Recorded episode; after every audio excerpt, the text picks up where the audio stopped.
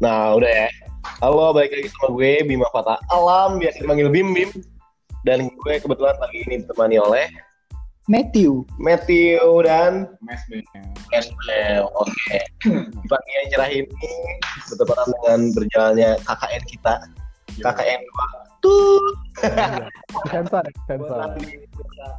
Dan para pada podcast kali ini kita bakal membahas mengenai KKN.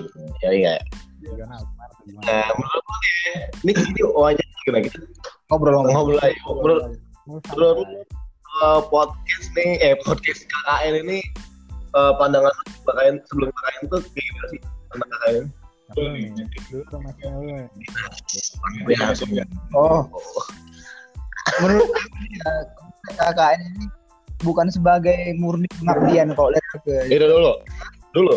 Nah, sekarang sampai sekarang nggak berubah karena yang aku lihat dari sisi luar ya sebelum benar masuk ke KKN itu aku lihat aku mendengar cerita pengalaman dari cutting aku baca-baca di sosmed itu benar-benar nggak ada yang benar-benar kayak program kalian apa terus gimana masyarakatnya nggak ada. Itu malah lebih kayak aku suka sama desa sebelah gitu.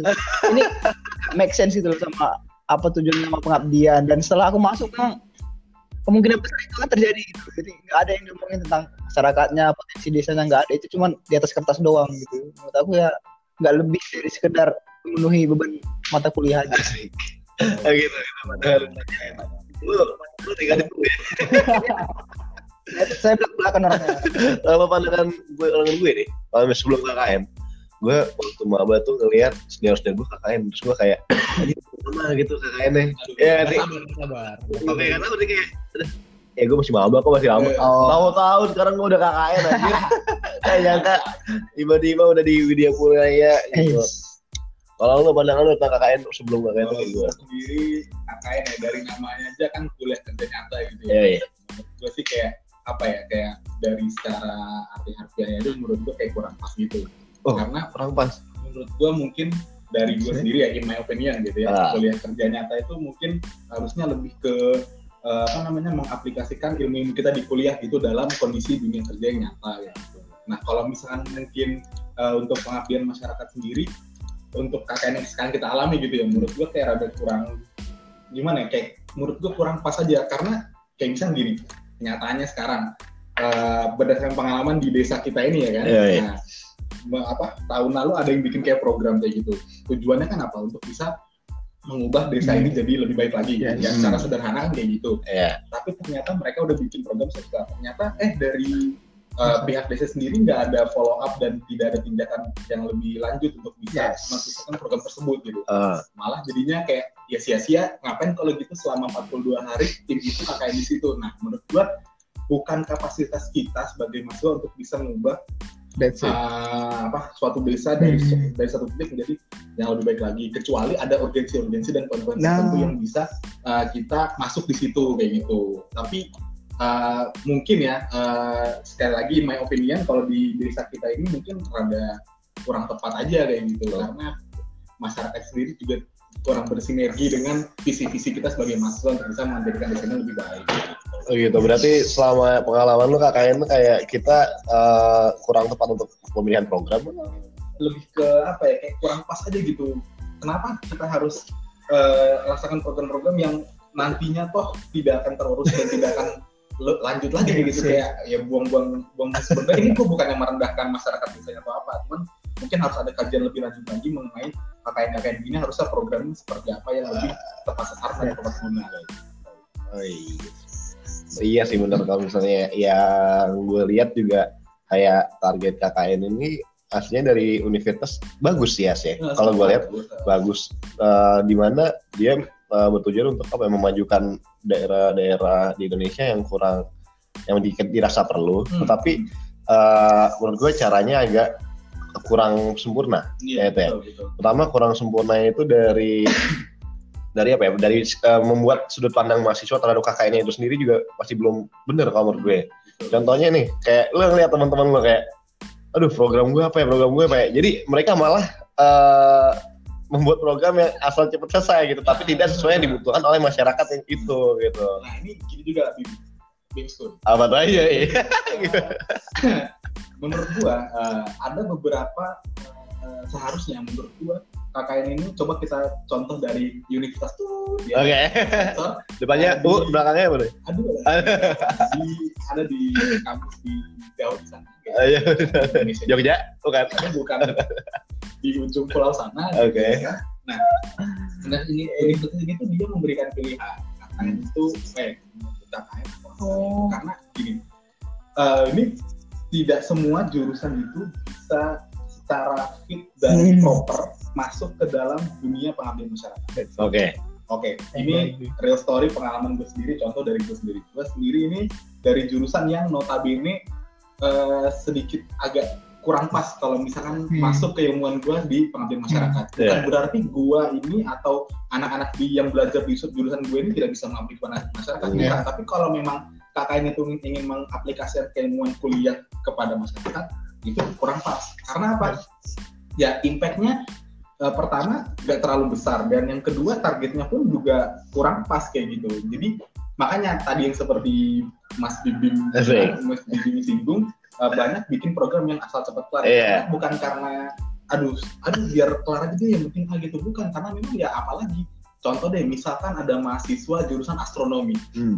untuk dia memberikan eh, apa namanya keilmuan-keilmuan tentang bagaimana sebuah satelit bisa mengitari satu eh, apa namanya planet atau apa kepada masyarakat itu kurang tepat guna ya, Iya. kurang tepat sekarang juga. Nah kayak gitu harusnya mungkin dikaji lebih ulang kayak misalkan contohnya mungkin kakak itu diberikan pilihan jadi bagi mahasiswa-mahasiswa yang eh, secara keilmuannya itu kurang pas untuk diterap- diterapkan di KKN ini bisa kayak lebih oh mending kayaknya lebih milih contohnya misal magang kayak gitu ya kan kuliah Iya, iya. di eh, apa ke- kerja di eh, suatu perusahaan dalam dalam durasi yang kurang lebih sama dengan masyarakat masyarakat apa mahasiswa KKN. yang KKN juga kayak gitu. Ilmu itu lebih ya kasar lebih kepake lah kayak gitu. Iya, lebih fokus berarti ya. Nah, Bener fokus. itu kayak eh, makanya nggak di setiap universitas tuh ada KKN. Nah, Contoh di BIN, ini ada universitas di Jakarta namanya BIN, makanya US. Tahu gue tuh dia, jadi mahasiswanya dibuat pilihan. Ada eh, ada apa namanya pengabdian, terus ada magang, terus ada apa lagi gitu. Nah itu tuh tidak dipaksa pada satu hal. Nah jadi kalau misalnya di universitas-universitas yang lainnya kan kayak misalnya kita ini dia eh, mewajibkan eh, mahasiswanya untuk KKN. Nah itu kan kayak kalau misalnya opini tadi berarti itu tukeran tepat guna ya nggak sih. Terus juga kalau misalnya nih, eh tadi lu apa?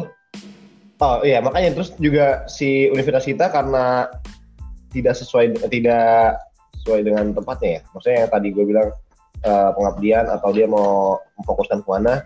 Nah di universitas kita tuh mendapat toleransi juga, nggak mesti tentang keilmuan kita. Yang penting tentang yang pernah kita pelajarin. Paham nggak sih? pernah Bang? kita pelajari. Heeh, jadi nggak mesti tentang eh, jurusan. Itu soal eh, itu. Gue tahu nih sumpah. demi- Oh, lu tahu jadi karena nggak semua ilmu bisa diterapin langsung pada masyarakat, jadi dia memberi toleransi bahwa program bisa apa aja yang penting lo pernah pelajarin di universitas gitu itu yang gue tahu tapi ya tidak memaksimalkan Iya, iya. potensi si Ya, anak benar. itu Kalau sih ya misalnya saya. mau kayak gitu oke, tapi dari dari kebijakan tersebut itu juga menunjukkan bahwa ada kelemahan di sistem. Nah. karena apa? Eh, iya iya ya, Iya. sadar, ya, Jurusan tersebut ini nggak nggak cocok nih kalau kayak iya dia udah sadar betul sekarang gini deh, sekarang gini. Let's say eh, ada jurusan ada informatika, ya kan? Kan seperti lagi yang tadi gue bilang tadi informatika, misalkan dia ditempatkan di desa yang yang 3 T lah kayak gitu bisa. Ah. Nah di situ dia dia coba dia bingung dia mau ngajarin bikin eh, coding gimana caranya bikin kalkulator pakai program Pascal nggak mungkin ya kan nggak mungkin ya kan terus kalau misalnya oke lah dia disuruh dari keilmuan yang lain misalkan akhirnya si mahasiswa teknik informatika ini dia mencoba untuk bikin eh, misalkan contoh penyuluhan sikat gigi tiga kali sehari. Gimana ada saya itu kita tahu. Iya. Yang pernah diajarin. Pernah diajarin, kalau ya. itu kayak ya itu tetap aja kan. Kalau gitu memang dari situ aja kita bisa lihat bahwa berarti si mahasiswa eh, keilmuan teknik informatika ini nggak kepake kan di sini. Nah itu Iya. itu nunjukin juga loh. Dengan kebijakan itu juga nunjukin kalau kelemahan tersebut. Ya, iya anjir.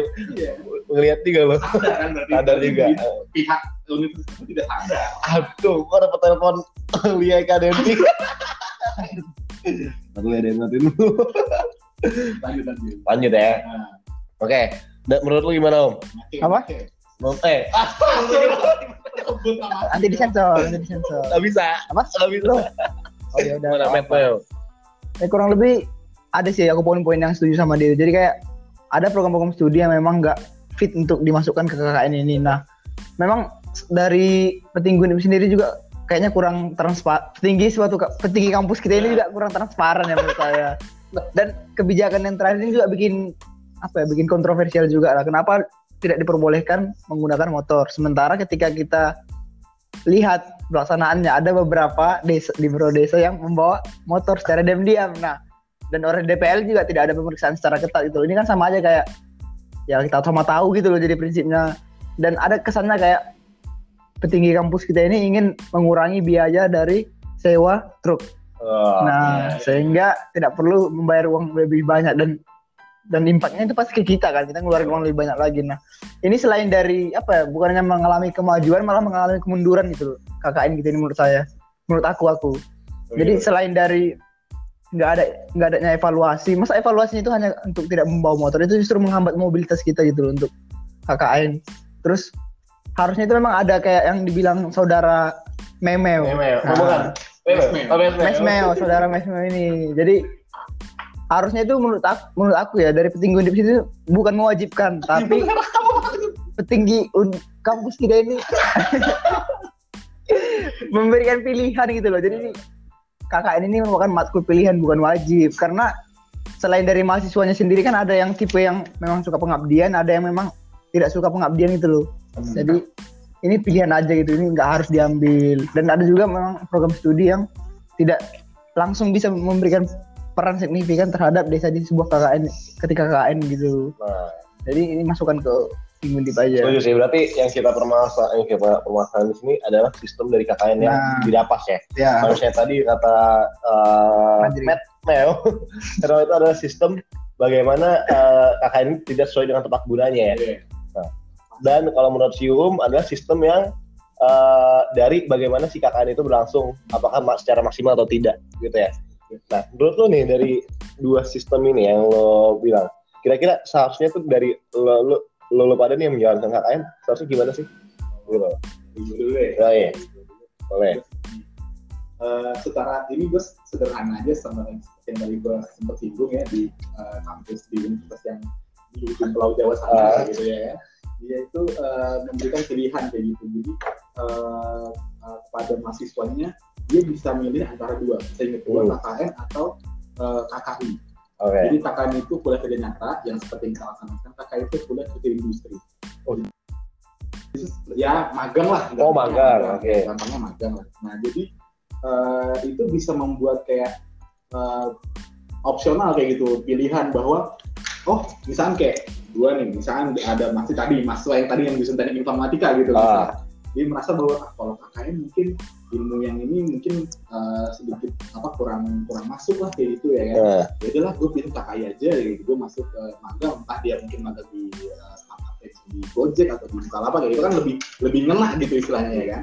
Nah nah tapi kalau misalkan ternyata dengan adanya pilihan ini kan juga tidak menutup kemungkinan bahwa misalnya ada mahasiswa teknik informatika lain yang mungkin jiwa pengabdiannya tinggi ah, dia mau masuk ke KKN juga nggak masalah. Ya. kalau memang bagi dia itu dia mungkin capable di sana dia mungkin bisa memajukan tadinya yang desa 3 jadi desa yang maju melek akan teknologi ya it's okay silahkan kayak gitu ya kan.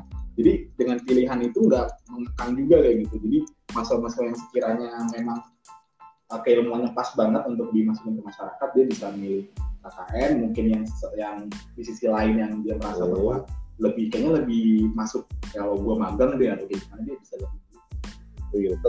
Kalau opini gue tentang itu tadi tentang solusi itu malah ada pro ada kontranya gue. Hmm. Iya, Ada tidak yang sejalan dengan uh, visi KKN itu sendiri.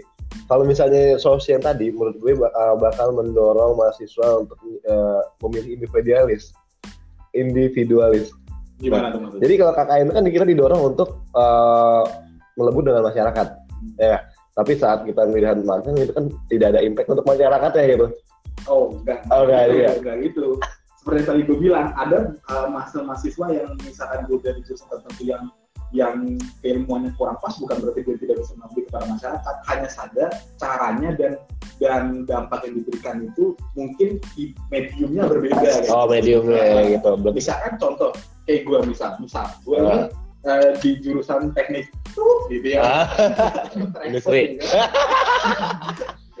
Nah, dengan cara itu misalkan gue magang kayak gitu seminimal minimalnya gue mungkin bisa magang di UMKM Oke. UMKM untuk bisa memajukan entah mungkin gue masuk dari sektor finansialnya atau dari Oh, iya iya iya iya. dari situ I see. ada dampak yang diberikan kepada desa-desa yang mungkin jadi target masuk UMKM jadinya Uh, desa ini bisa mem- mem- memberikan servis atau pelayanan yang lebih maksimal karena uh, mungkin adanya gue di situ bisa memberikan transparan supaya si UMKM ini bisa lebih beroperasi dengan baik gitu ya.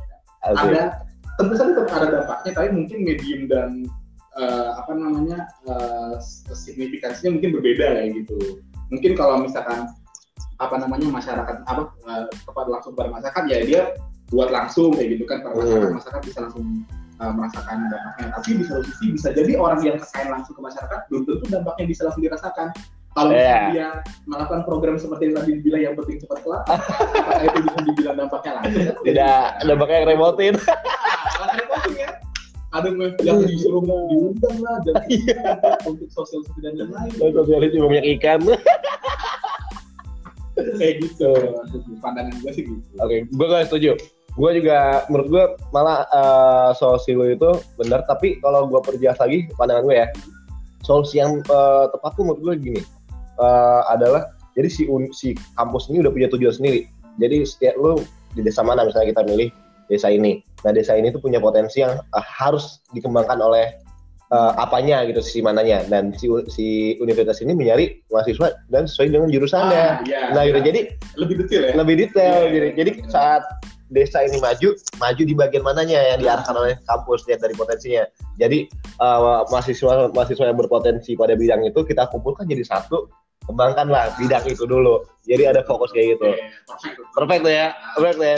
Tapi itu juga bisa eh, memajukan di KKN ya sih? jadi nggak nggak. kalau memang kalau memang si desa ini membutuhkan uh, keilmuan yang secara itu tadi yang gue bilang kalau Ah. misalnya memang ada urgensi tertentu berarti bisa jadi justru malah lebih bermanfaat kalau dikakain langsung. Iya. Tergantung Ah. di desa kayak gitu nah itu dia pengarahannya ya dari dari itu kalau ya. kita nih pengalaman kita ya udah desa itu ya apa? Kita nggak tahu apa apa maksudnya ya udah kayak gambaran-gambaran yang nggak bisa kita bisa langsung.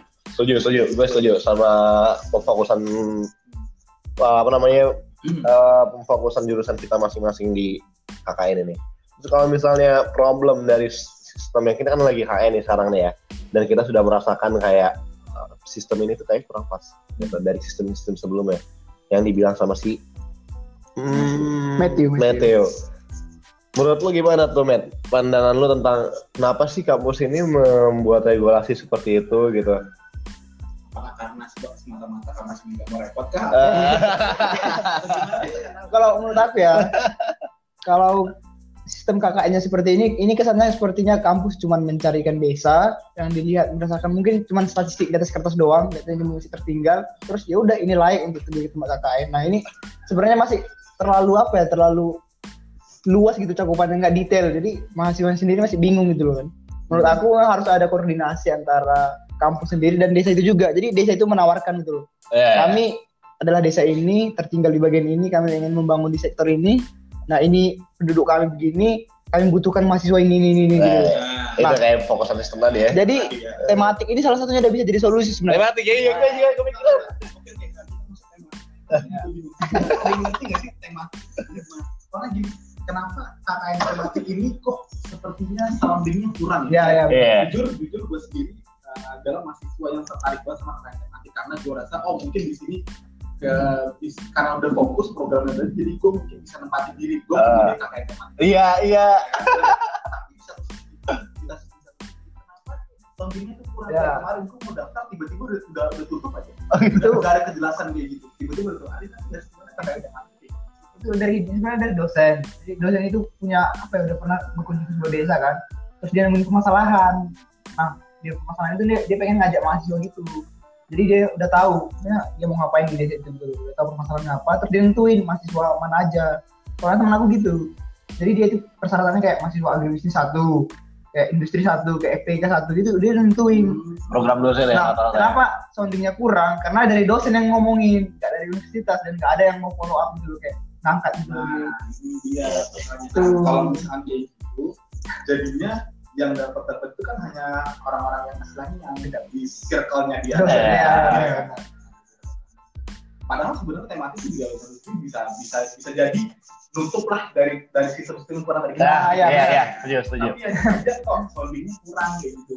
Dan juga KKN tematik itu kadang karena hanya terlalu fokus di satu apa di satu Bidang. bidang kayak misalkan contoh jujur eh, kemarin ada KKN tematik gua eh, kemarin dan gua kan udah masuk di sini selama tiga hari.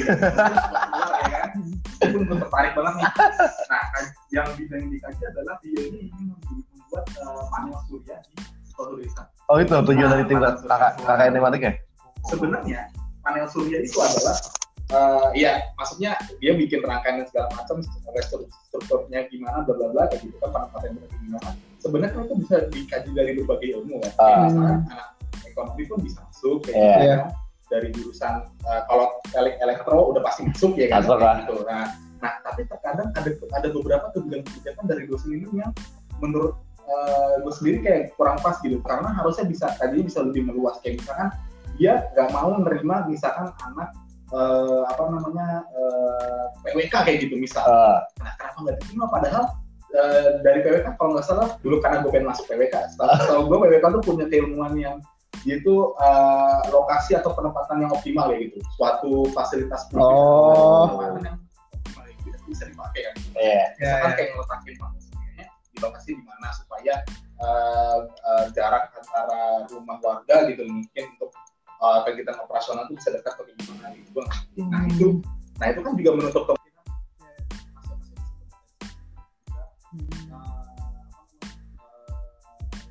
tapi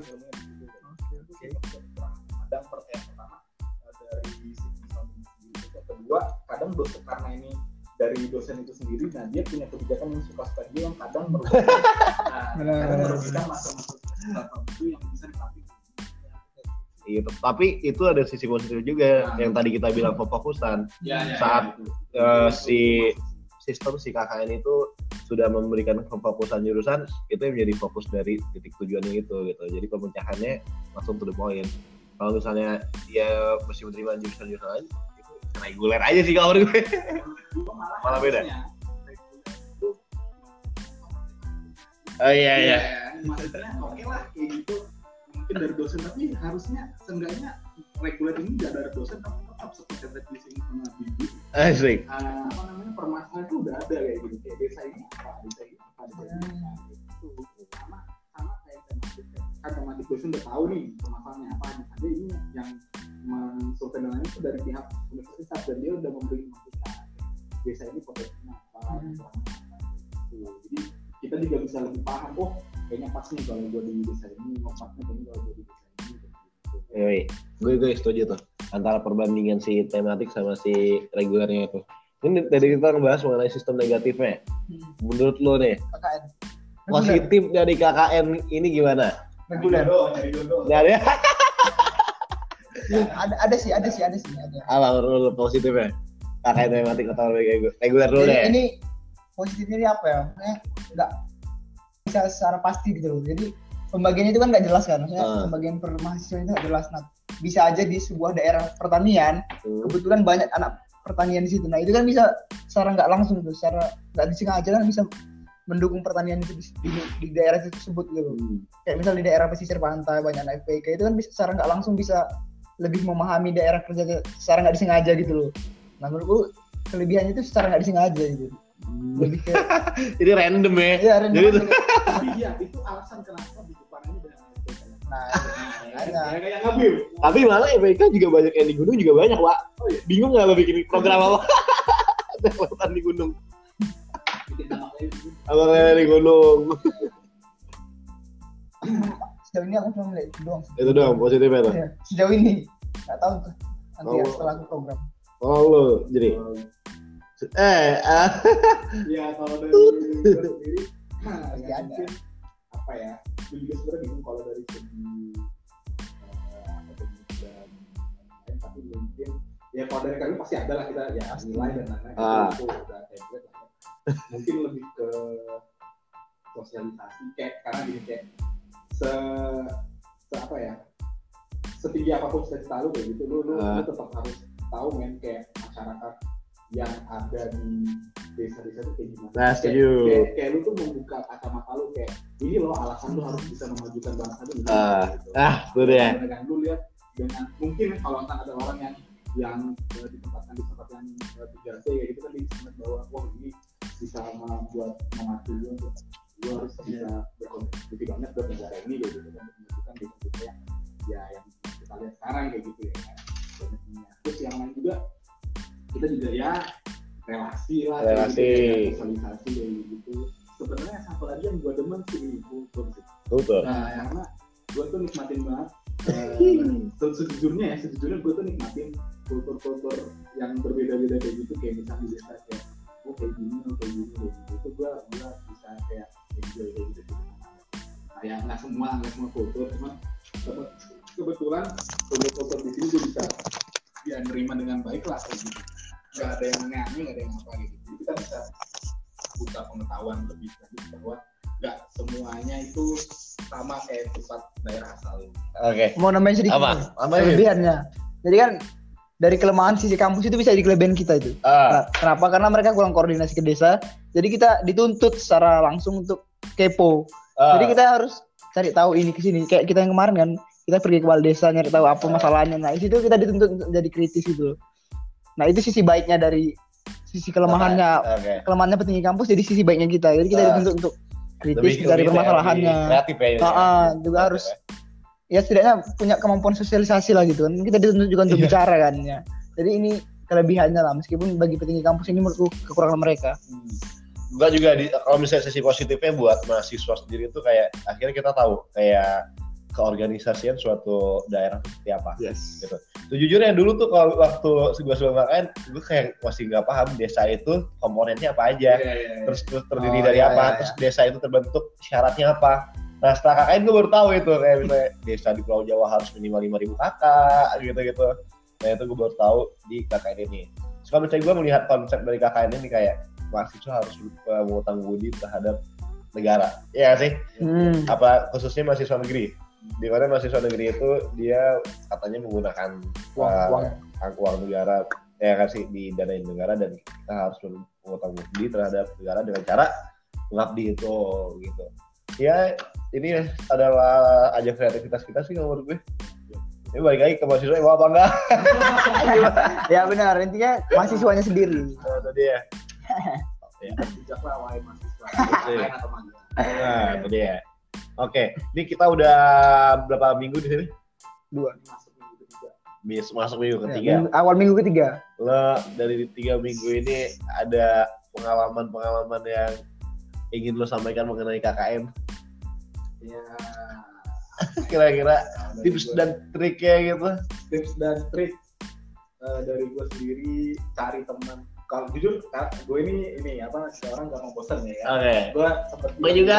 ya kan bosen kayak aduh ngapain ya ngapain ya gitu. Saran dari gue yang pertama lu bikin grup sama teman-teman kuliah lu yang sama-sama bosan. ya ya sama Iya. bosan. Kalau ada kawan apa lu bisa ngobrol bisa apa aja bener itu itu setuju setuju. Terus yang pertama yang kedua adalah lu cari kesibukan lain yang jujur mungkin sebenarnya sejujurnya nih kalau di KKN ini sebenarnya gua sendiri bisa nih kalau misalnya dipadetin jadi satu minggu program gua bisa iya. oh, bisa. iya iya anjir. Iya? Iya iya program Iya. tuh sendiri satu program satu minggu semua program kelas itu bisa. Iya. Nah nggak nggak perlu 42 hari. Karena se- hampir eh, 30 eh apa 70 sampai 80 persen sebenarnya kita ini eh, ya gabung gabut. Ya iya. Menurut gue sih cari kesibukan lain. Entah lu mungkin ngurusin apa tugas kayak atau lu Ah. ngurusin skripsi atau apa bebas Proposal ya. Apa Gabung Semarang tiga ya lu balik lah ke tempat lu bosan di sini lama-lama cuy lu butuh refreshing lu Nah, butuh udara jadi- segar. menurut anda kalau sekali balik ke Tembalang itu bagaimana wah kalau menemui teman rutin ya. nah ini Iya. iya benar kan oh balik ke kosan Daerah daerah kosan ke daerah kosan Iya. itu harusnya sesekali boleh lah ya kan seminggu sekali. seminggu sekali kan seminggu sekali ya Gua kan? kordes anjing. Jadi kan absen bisa kor kordesnya kan bisa. Nah, tolong di, Bangke kau ya. tolong di ACC ini ini menurut saya ini pelarian ke daerah kosan ini adalah salah satu bentuk untuk supaya tidak bosan gitu loh. Iya. supaya kita mendapatkan mood kita kembali. Bener-bener. Hmm. bener bener. Ini bukan sekedar untuk happy happy iya, samping ada urusan urusan ya, ya daerah dengan lu sesimpel lu tidur aja lu tidur siang di kasur lu sendiri natap ke atas ngeliat lampu pas menyala itu kayak bisa ke Iya. iya otak lu lagi jadi kalau ketika lu balik ke sini lagi lu punya Semangat. Iya. New esteem itu energy balik ya. lagi gitu Iya. Supaya nggak kusam gitu ya. kayak masih hari pertama KKN? Kayak gitu. Eh, kalau kalau gua gua gua nggak masalah gua setuju dengan apa yang namanya refreshing cuma terserah sih eh, refreshing itu punya tiap orang punya cara masing-masing ya kalau misalnya gua kalau saya bosan gua cabut sendiri Iya, ya, kan? iya. kan? Iya. Eh, itu bisa Kalau- Kalau Problem, kita ya, Kordes kita ini fotografer. Iya. nah Kalau dia bosan diem-diem tiba-tiba dia udah di Pergi. foto-foto. Pagi-pagi dia gitu. juga Ya, pergi. Benar kata Mas Bibi. Eh, Agak orang agak kita Ah, dan menurut saya kalau misalnya balik ke daerah kosan itu harusnya diperbolehkan ya. Eh, boleh, boleh. Sekali seminggu kok. Sekali seminggu. ya di sistem itu saja kebetulan boleh no problem iya ya udah salah mau balik Enggak hari ini dong. Ada dong masanya. Santai.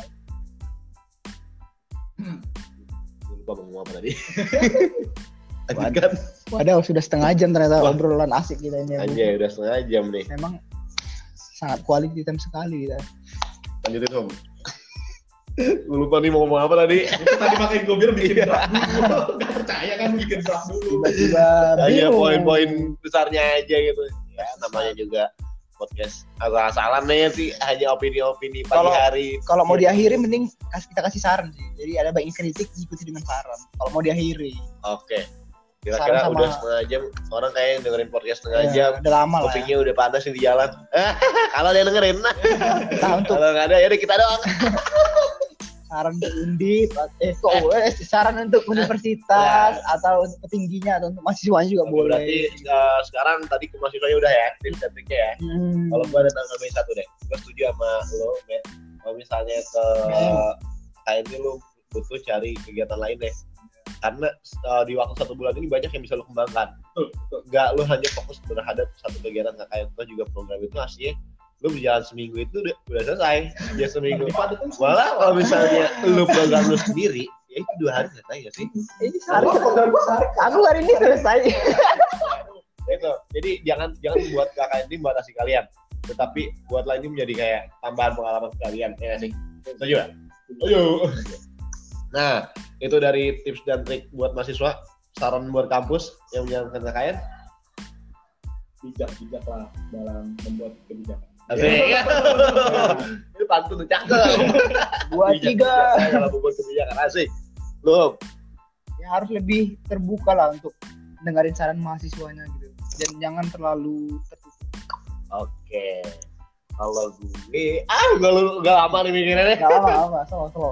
Atau closing statement, closing statement. Asik. closing statement boleh dari lu Dari gua. Kau aja Dari sendiri. Closing statement tuh kayak gimana ya bener kayak Ya, mungkin lu kasih quote quote quote quote atau eh, apa Ah, oke, gua gua gua. Mungkin gua closing statement gua sebagai eh, kebetulan gua di sini sebagai kordes kali ya. Aslinya sebulan KKN ini eh, jika lo manfaatkan secara maksimal akan terasa juga gitu. Terasa lo di kehidupan selanjutnya. Kayak aslinya ini bukan statement tentang KKN doang sih, tentang segala hal. Apa pun yang sedang lo lakuin, lakuin secara maksimal.